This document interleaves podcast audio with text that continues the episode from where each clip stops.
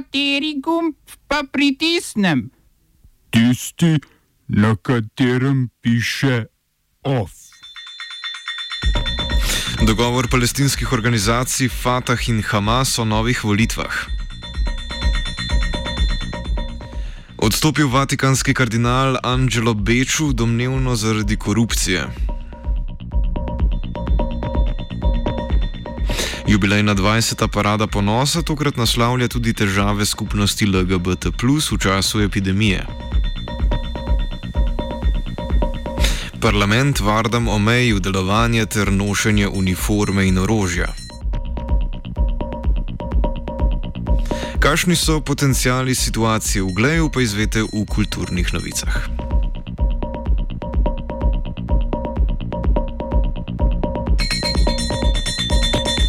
Dobr dan. Palestinski organizaciji Fatah in Hamas sta se dogovorili, da prvič od leta 2006 izvedeta volitve na palestinskih območjih. Te naj bi se zgodile v roku šestih mesecev od podpisa dogovora. Spomnimo, da je leta 2006 na volitvah za las slavila organizacija Hamas, kar je vodilo v spore med njo in dosedaj vladajočim Fatahom. Spor se je sprva razrešil s kratkim obdobjem enotne vlade, na to pa z delitvijo oblasti, po kateri je Fatah prevzel oblast nad Zahodnim bregom, Hamas pa nad Gazo. Tokratni dogovor o naslednjih volitvah prihaja v času normaliziranja odnosov med Izraelom in arab, nekaterimi arabskimi državami na Bližnjem vzhodu, zaradi katerega postajajo palestinci v boju za lastno državo vse bolj osamljeni.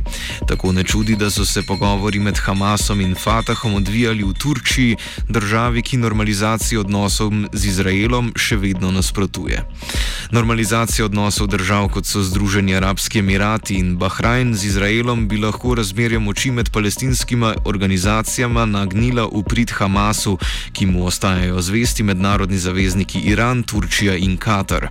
V nasprotju s tem so Fatah podpirale predvsem države, ki sedaj normalizirajo odnose z Izraelom.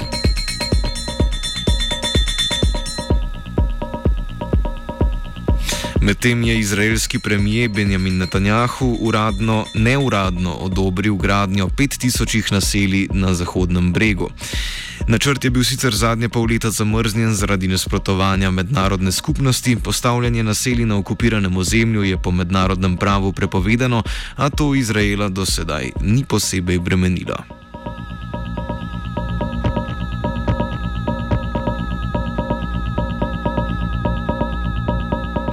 Centr za mednarodno politiko v Washingtonu je objavil poročilo, v katerem ugotavlja, da velik del uvoza orožja na Bližnji vzhod in v Severno Afriko prihaja iz zahodnih držav.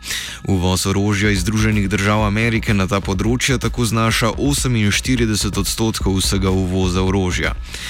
Francija, Združeno kraljestvo, Nemčija in Italija skupaj prispevajo 24 odstotkov uvoza orožja, največji delež za Združenimi državami pa prispeva Rusija s 17 odstotki uvoza.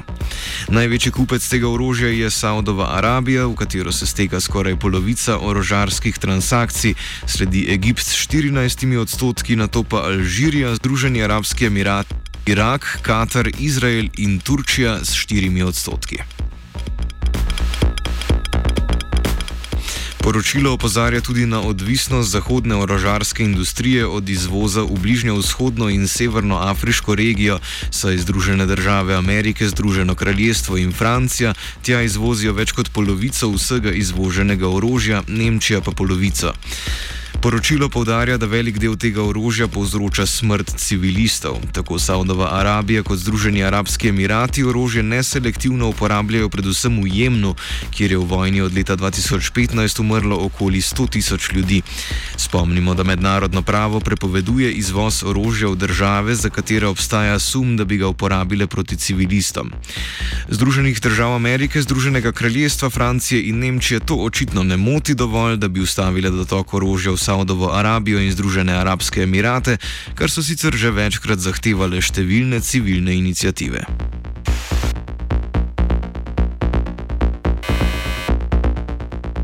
Odstopil je vatikanski kardinal Angelo Beču, prefekt kongregacije za svetnike in nekdani namestnik vatikanskega državnega sekretarja.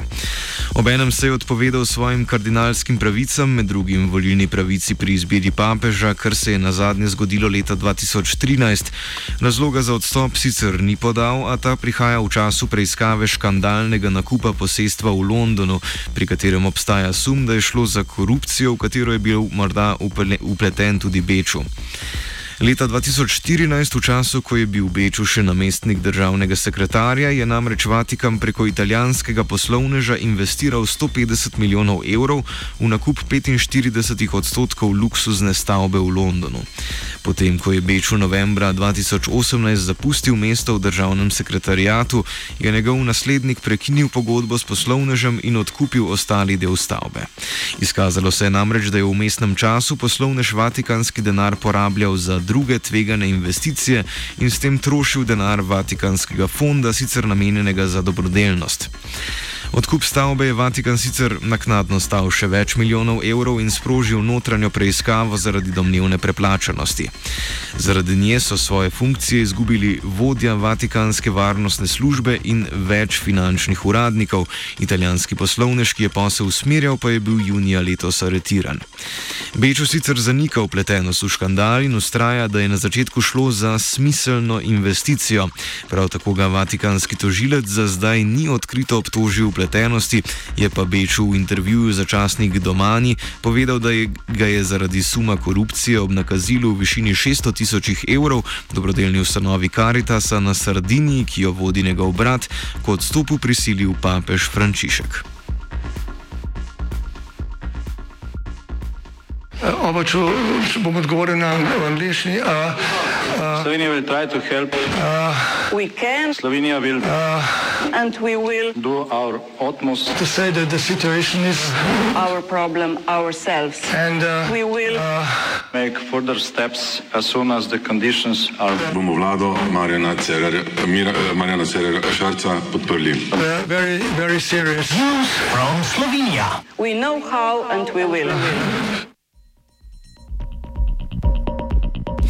Društvo Parada Ponosa jutri organizira jubilejno 20. Parado Ponosa, s katero opozarja na neenakopravno obravnavo pripadnikov skupnosti LGBT. Tokratne zahteve so med drugim osredotočajo na probleme, s katerimi se pripadniki skupnosti LGBT soočajo v času epidemije. Več Simona Muršec, predsednica Društva Parada Ponosa trenutna koronska situacija je v izrazito, um, bom rekla, težke situacije postavila LGBTQ plus mlade, recimo tiste vse, ki uh, v času korone niso mogli in mogli iti domov ne, kot je bilo, pejte domov, ostanite doma, študentski domovi se zapirajo. Uh, kaj pa za vse tiste mlade osebe, ki je dom izrazito nevaren prostor? Kaj pa za vse tiste LGBTIQ plus mlade osebe, ki doma niso sprejete? Ali naj grejo nazaj v družine, ki so jim zaprle vrata, ali naj grejo nazaj domov k družinam, ki jih ne sprejemajo, ne, ki strani katerih doživljajo nasilje.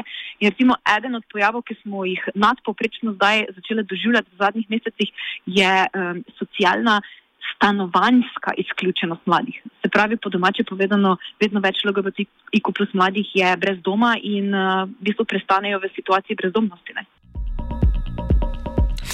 Letošnje zahteve organizacij LGBT se nanašajo na zdravstvene prakse in pravo, pove Muršec. Recimo izpostavila bi uh, par teh zahtev.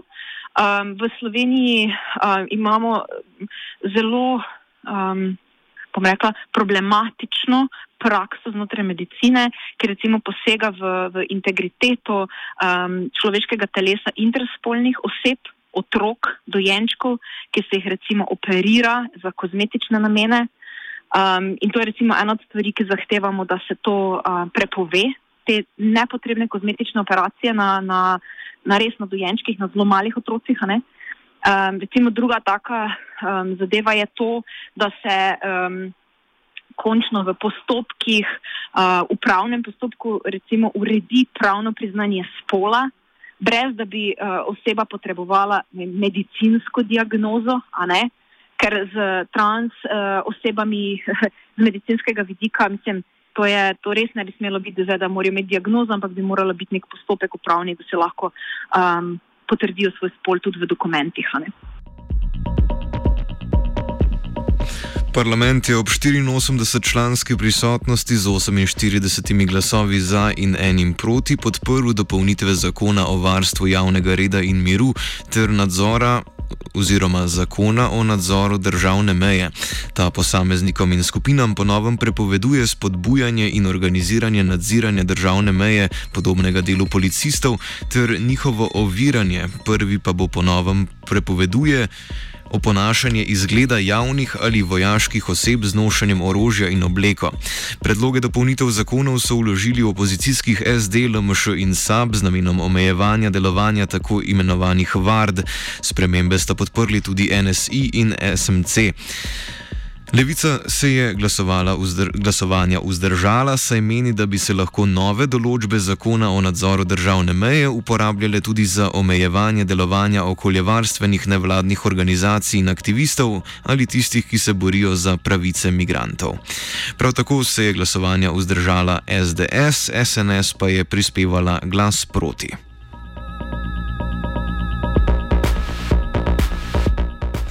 OF je pripravila Zala.